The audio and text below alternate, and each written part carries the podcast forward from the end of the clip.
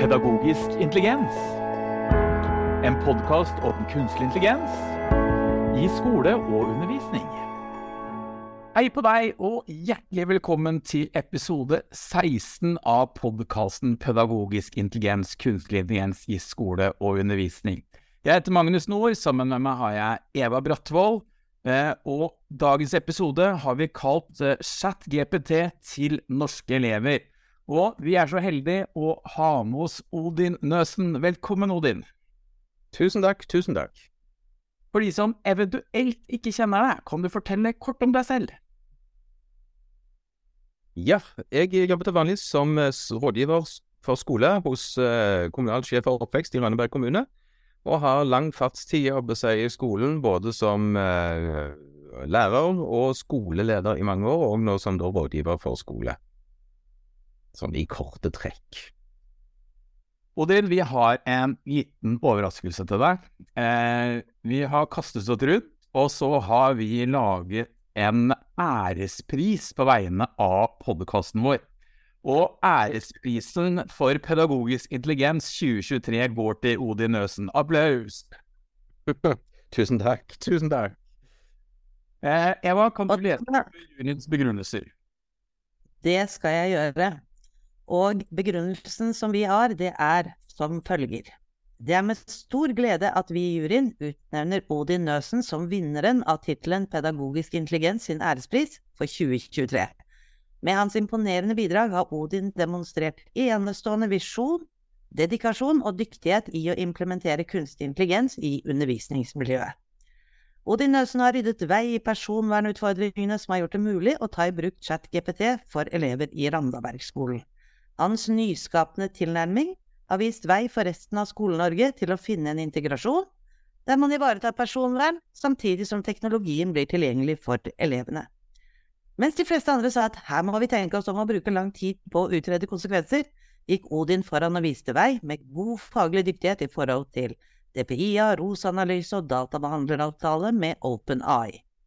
Takket være Odin vil mange norske elever få tilgang til GPT-språkmodeller i 2023, i stedet for i 2024. Juryen vil framheve Odins etiske forståelse og omsorg for personvernet til elevene. Han har implementert streng sikkerhet og personvernregler for å sikre at kunstig intelligens brukes på en ansvarlig og trygg måte. Odin Nøstens bidrag innen kunstig intelligensundervisning vil ha en varig innvirkning på norsk skole, og vil fortsette å inspirere andre til å utforske og implementere nye teknologiske løsninger for å forbedre læring og undervisning. Vi ser fram til å følge hans videre arbeid, ønsker ham lykke til i framtidige prosjekter. Dette var juryens begrunnelse. tusen takk, tusen takk. Det var hyggelig å få en eh, æresbevisning for, for eh, jobben som ble gjort der. Nå må vi jo tilstå at den medfører kun eh, heder og ære, men vi syns det var på sin plass å æres den som æresbør, er det ikke sånn vi sier, Magnus? Jo, absolutt. Og denne episoden. Så skal vi og til å være litt undervurdert. Ja, du hørte den, Magnus. Heder og ære kan av og til bli litt undervurdert. Og det, det er vi enig i. Vi liker godt heder og ære, vi også. Det skal vi ikke stikke under en stol. Det vi skal snakke om i denne episoden, Odin, det er det arbeidet du har gjort i forhold til eh, å gjøre dette.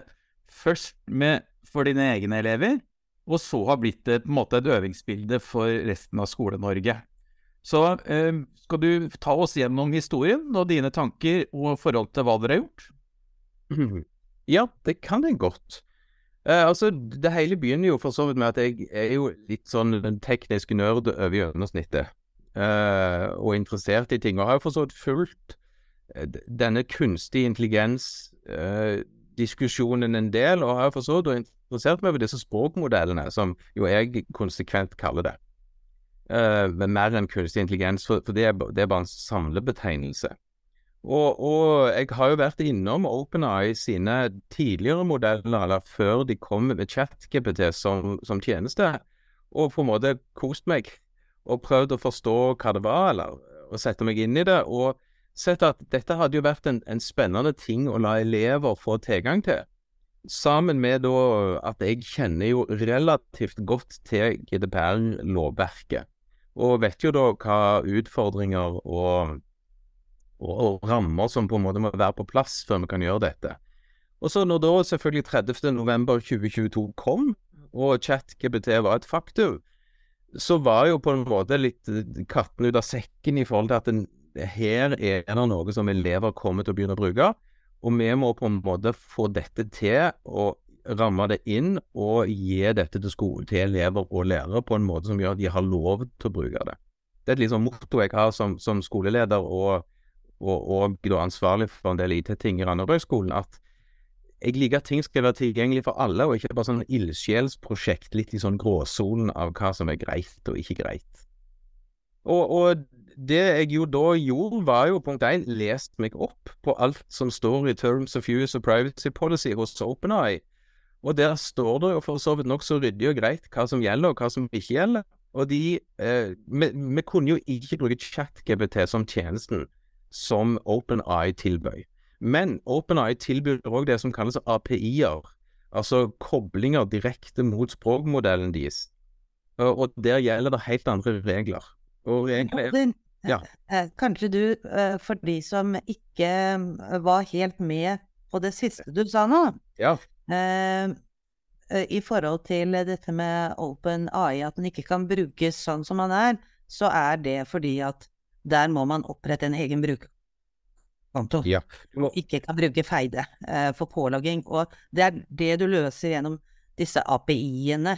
Og jeg, jeg, løy, jeg, løser noe enda viktigere, egentlig. For én ting er at eh, for å bruke ChatGPT, så må du logge deg på med en konto og legge igjen et mobiltelefonnummer. må du også. Uh, det hadde ikke blitt løst om du logget på med Feide, for litt av utfordringen er jo her at du legger igjen en identitet uh, hos OpenEye. Uh, og den identiteten kan jo da OpenEye knytte ulike ting til. Og, og, akkurat i starten så ble jo på en måte alt du skrev inn til ChatGPT, vil, sa de helt åpent, det vil vi bruke til å trene uh, GPT videre.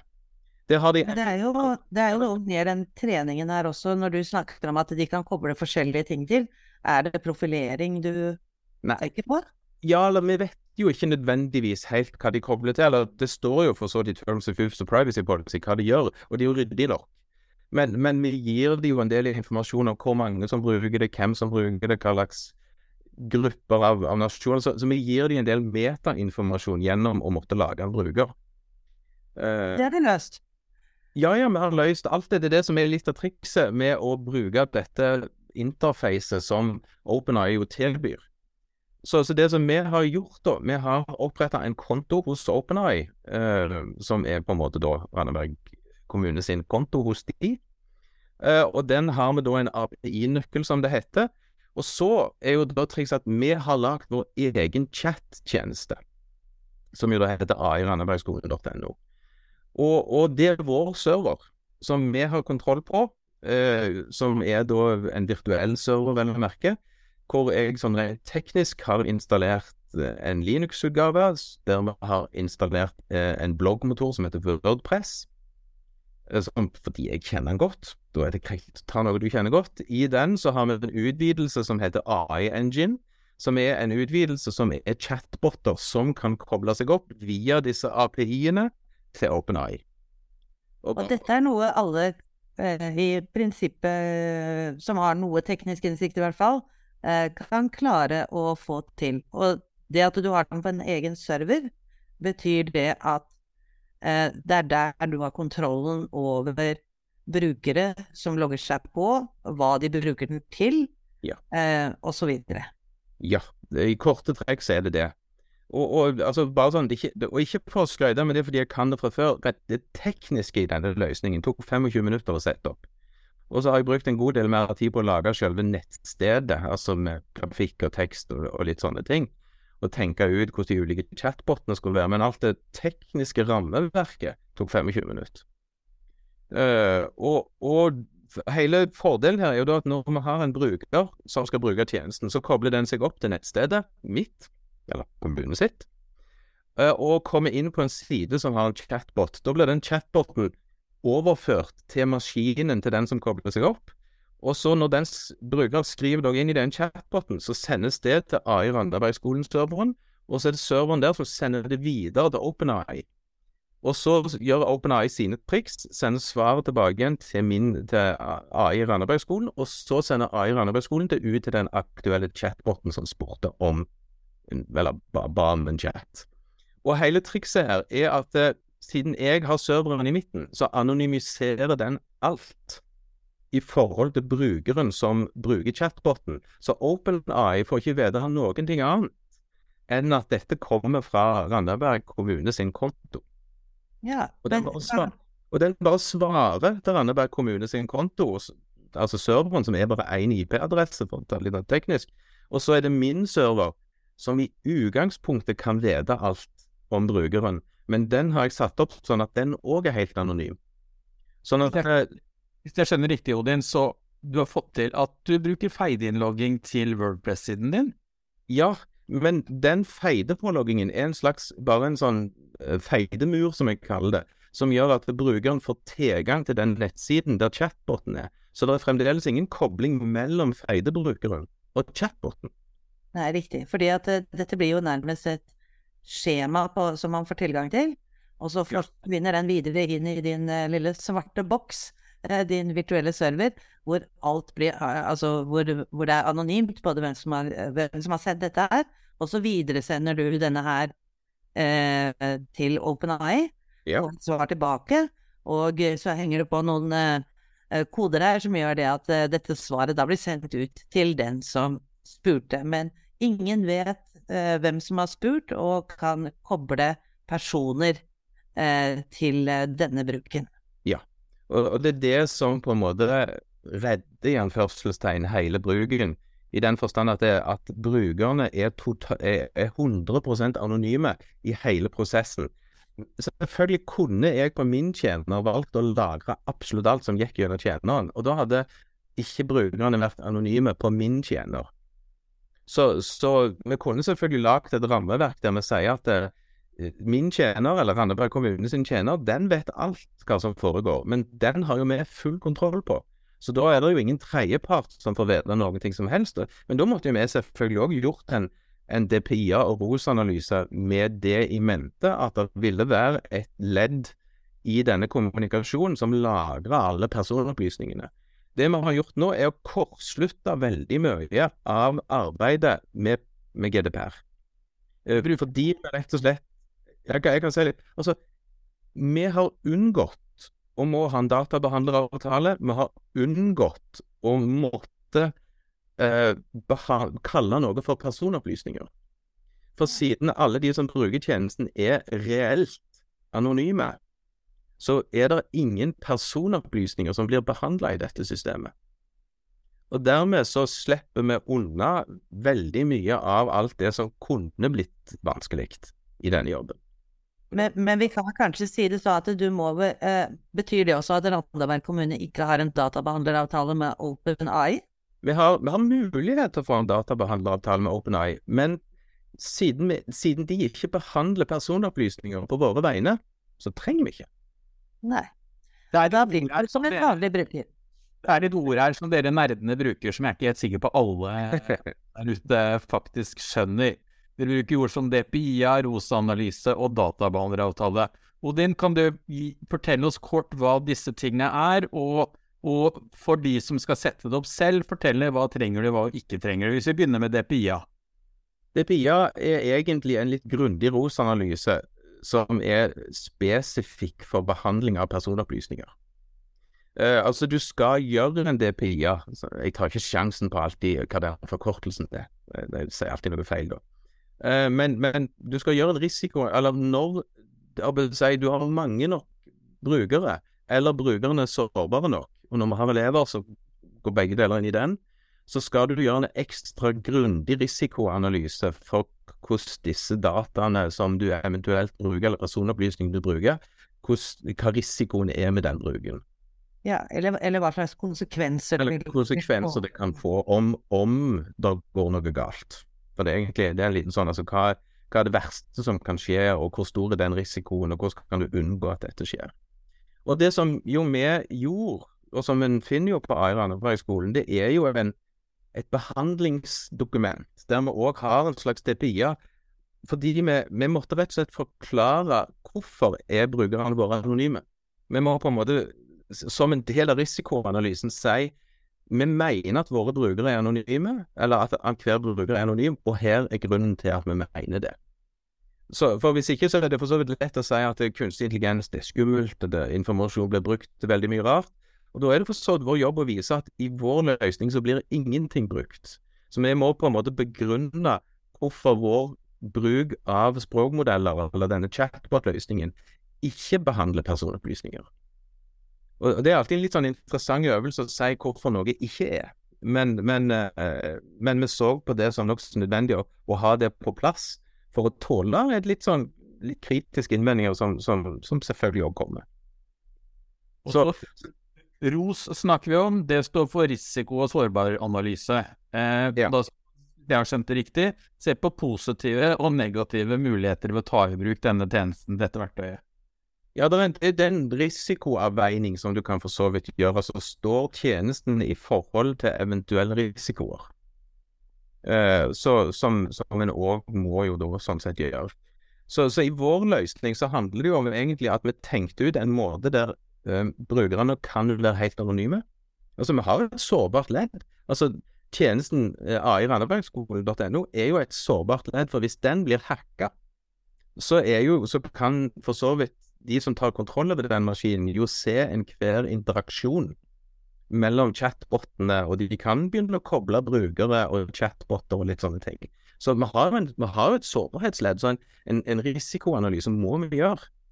Uh, og, og, Det er derfor jeg tenker at den vekkefølgen vi gjorde det med, på en måte, vi tenkte ut en teknisk løsning uh, satte den opp, beskrev de ulike risikoene og hvorfor vi mener at dette ikke er behandling av personopplysninger, og på en måte pakte dette inn som en løsning som vi så at ja, denne, denne løsningen kan vi selge inn og på en måte eh, bruke som, som en tilgang for alle elever og alle lærere, og dermed òg kan si at alle elever og alle lærere skal bruke denne tjenesten. For, for, nå, for da blir det en del av opplæringen til det som vi tilbyr i Randaberg kommune. Og da, da må vi i kommunen ha orden på alt sånt.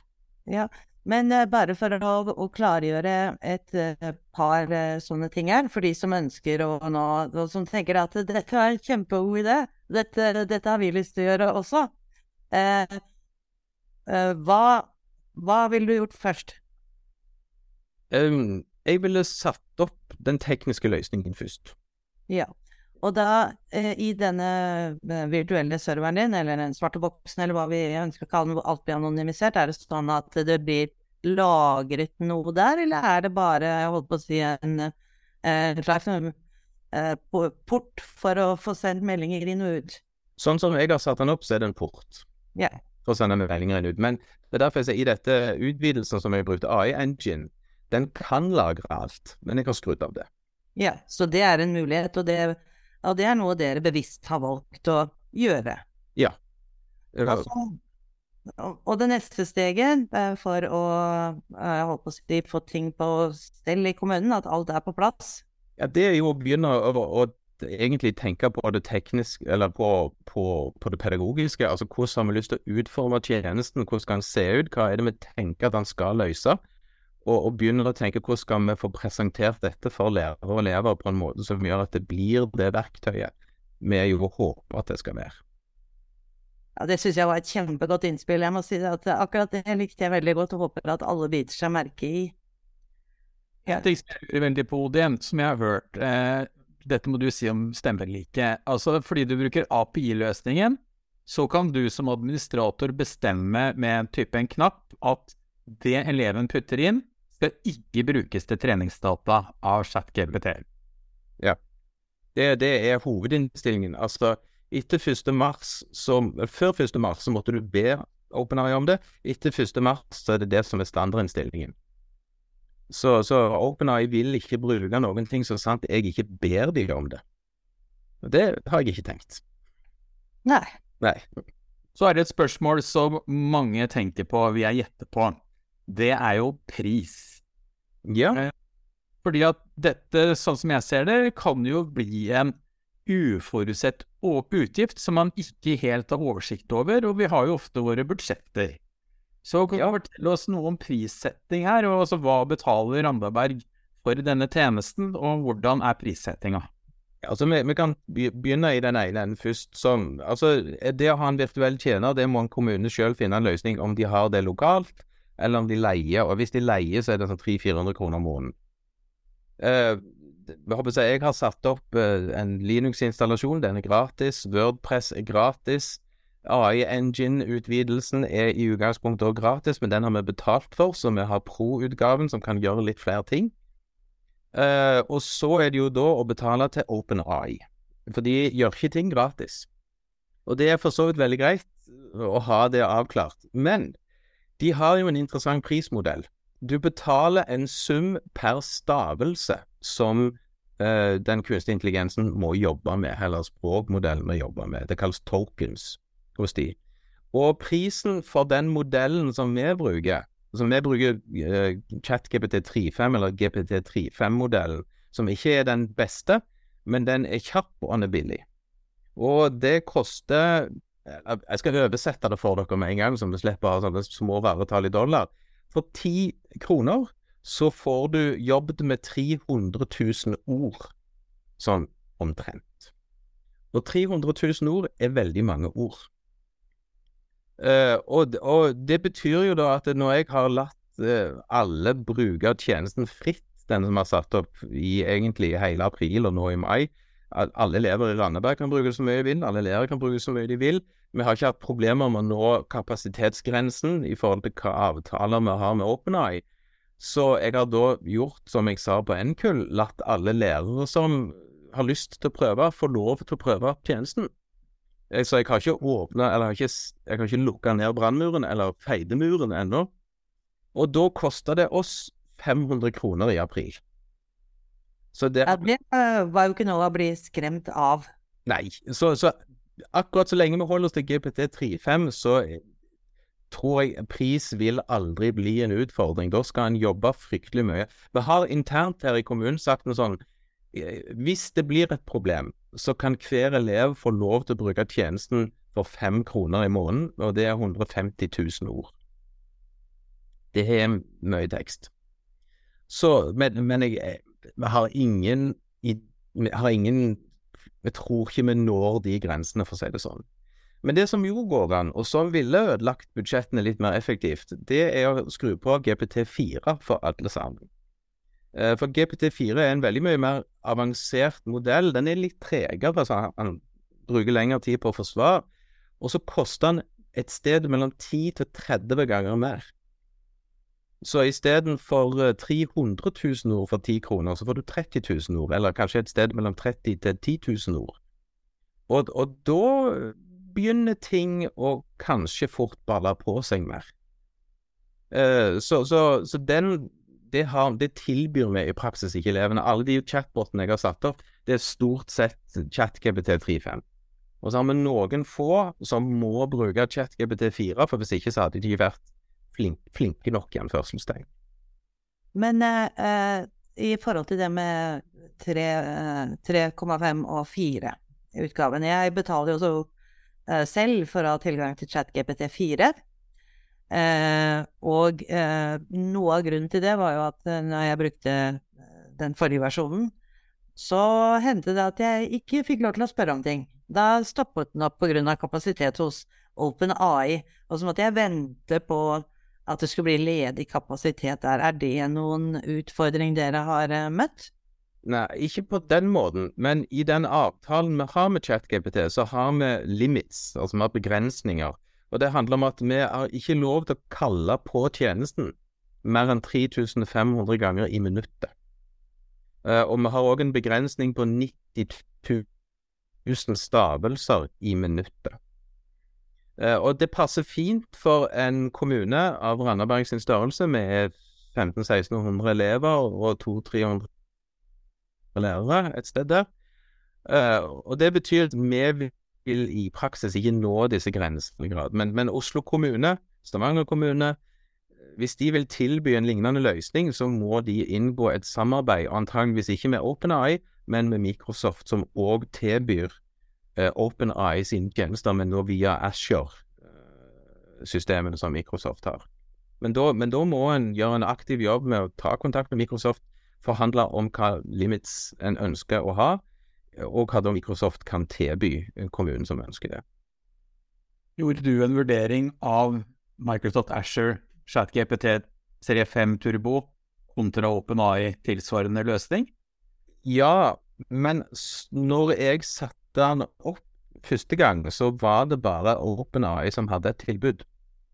Uh, og så har, og tilbudet sånn Standardtilbudet per dags dato, da er OpenAI litt romsligere i forhold grensene. Men jeg har vært i kontakt med Microsoft om dette, og nå på Nkult, faktisk. Så vi skal ha oss en liten prat om hvordan vi gjør dette. fordi sånn iallfall sånn per dags dato, så er faktisk Microsoft Asher OpenAI eh, litt raskere enn OpenAI.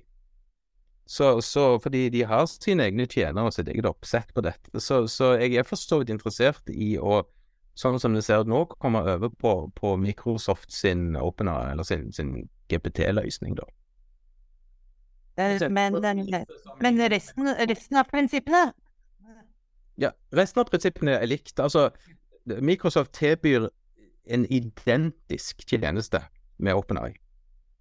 Så, og vi er under akkurat de samme forutsetningene så lenge jeg bruker API. Så, ja, så er det for, eh, nei, for kommuner, kommuner, som ønsker å, å, å vurdere det, så, så, kan vi da bare slå fast at eh, det er bare leverandøren som eh, da er forskjellig, mens oppsettet ellers er helt likt. Oppsettet er helt likt. Og i den eh, AI-engine som jeg bruker i Wordpress, der kan jeg bare velge. Da kan jeg, hvis jeg har satt opp uh, Asher uh, OpenAI, som det heter, som jeg har gjort, da er det bare å gå inn i den og si at nei, jeg vil heller bruke Asher OpenAI istedenfor OpenAI.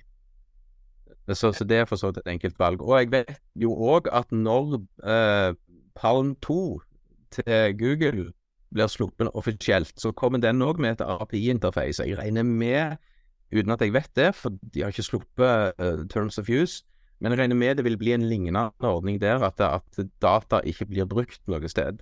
Og da regner jeg òg med at jeg kan koble opp si, min løsning opp til, til Google sine API-er for språkmodeller. Odin, har til å dele, eh, og du har delt dine erfaringer. Eh, skal du fortelle litt om, om, hvor man kan finne informasjon om hva du har gjort? Og jeg vil gjerne at du skal fortelle litt om siden din ai-randabergskolen.no. Ja, altså litt om det jeg har gjort. Faktisk på ai-randabergskolen.no, under den uh, 'Hvorfor er dette lov?' GDPR-fanen. Uh, der kan en følge en lenke til en litt mer detaljert beskrivelse. Der skriver jeg litt mer om òg den tekniske løsningen. Uh, uten at jeg skriver så voldsomt mye. Og så har jeg òg skrevet litt mer om det på en blogg som heter iktogskole.no. Eh, men, men, det er et godt utgangspunkt med AI randabergskole.no. Og den, vil alltid, den delen vil alltid være åpen uansett feidemur eller ikke. Feidemuren kommer bare til å handle om selve chatbotene. Um, men ellers, ja, hvorfor vi satte opp uh, AI Randabergskolen, annet enn at vi hadde lyst til å tilby dette? Det er det du tenkte på, Magnus? Ja, for det er jo en fin tjeneste som du på en måte har invitert norske lærere inn for å prøve litt. For sånn rent formelt så har jo ikke norske lærere lov til å prøve selv heller, i forhold til jobbsammenheng. Nei, og det, og det, var jo på en måte målet mitt altså, Eller det, det, er to grunner, altså, eller to hovedgrunner for, sånn fra et eh, skolefaglig perspektiv som jeg har på en måte lagt til grunn og sier at hvorfor vi må gjøre dette. Eh, for jeg mener vi må. Eh, det ene er eh, Jeg skal ta det på en måte litt sånn tåpelige argumentet først. Det er rett og slett fordi at vi slipper ikke unna. Altså, språkmodeller er kommet for å bli. Og, og, og hvis en skole eller kommune tror at vi kan løse dette med å bare si at elevene ikke skal ha tilgang til det når de er på skolen eller når de er hjemme, så gir de bare en fordel til de elevene som trenger det minst. Eh, for du klarer ikke å stenge den ned. Og, og vi kan ha litt sånn banalt eksempel. I Randaberg har vi Chromebooker. Og de har vi formelt full kontroll over sånn fra, fra administrasjonen sin side. Så vi kan si hva som skal være tilgjengelig på Chromebookene eller ikke. Og, og, hvis vi hadde reagert sånn som en del kommuner gjorde, at liksom, ah, ChatGPT har kommet, vi stenger det ned. Så betyr det at elevene har ikke tilgang til ChatGPT på Chromebookene. Men det betyr at de ressurssterke elevene, la oss kalle de det, de har jo tilgang til den tjenesten på alle andre steder enn på Chromebooken sin, på mobiltelefonen sin, på den PC-en de har hjemme, på et eller annet annet verktøy. Mens de ikke fullt så ressurssterke elevene, så der er det faktisk en del elever som har Chromebooken fra skolen som sin eneste digitale enhet. Og hvis vi stenger det, så har vi tatt fra de muligheten til å kunne bruke det overhodet. Det, det er noe som vi skal huske det bitte litt seinere. Den eh, Og den andre er på en måte at med å stenge, eller prøve å stenge ned skolen fra den delen av virkeligheten, vil jo bare gjøre at skolen bare fjerner seg på den virkeligheten elevene tross alt skal ut i. Så vi må, fordi det ikke er til å unngå, fordi det alltid kommer til å være der nå framover, litt sånn internett er her, lik det eller ikke, så må vi lære elevene hvordan de behersker denne delen av virkeligheten òg. De kommer til å møte språkmodeller i en eller annen variant alltid framover nå, som vi må lære dem hvordan de skal forholde seg til disse. De må forstå hva det er, og de må forstå hva det kan gjøre, og hva det ikke kan gjøre. Og da må jo òg lærerne forstå det. Og hvis lærerne ikke forstår det, så er det ingen mulighet for at de kan få elevene til å forstå det. Og, og det er liksom det første argumentet, det er liksom det jeg sier, det er det kjedelige argumentet. Det andre argumentet er at jeg mener at dette er et utfattelig bra verktøy for elever og lærere i skolen. Men for å kunne påstå noe sånt, så må vi òg skjønne hva en språkmodell er for noe. Og det er jo det vi har brukt mye tid på. Og, og, da vil jo jeg si, bare sånn, hvis vi skal snakke overskrifter, så vil jeg jo si at det er en ressurs både for elever og lærere som språkmodell. Det er et utjevnende verktøy som, som gir noe til, de, som, til elever som gjerne ikke har så mange ressurser hjemme, i forhold til elever som har ressurssterke foreldre ofte. Som de kan spørre, og det var mange elever som ikke har, men da er språkmodellen så kraftig og fungerer såpass godt at de kan fungere som det godt nok. Som en egen liten ekstra lærer, som en egen liten forelder som kan svare på alle de tingene de eventuelt lurer på. Det gir òg en mulighet for bedre tilpassa læring, som er jo selvfølgelig et sånt stort, bredt ord. Men, men utgangspunktet for den påstanden er jo at du kan få disse språkmodellene Nå, nå, nå, nå kjenner jeg at jeg glir inn i en lang tale her. Um, um, jeg skal komme tilbake til tilpassa læring etterpå. Samarbeid og interaksjon, at du får noen å interagere med. Uh, er det jo disse språkmodellene gode på. De er gode på samtale, de er gode på dialog. Og, og, og, og ikke det at folk skal bruke det som en venn istedenfor, for det skal de ikke.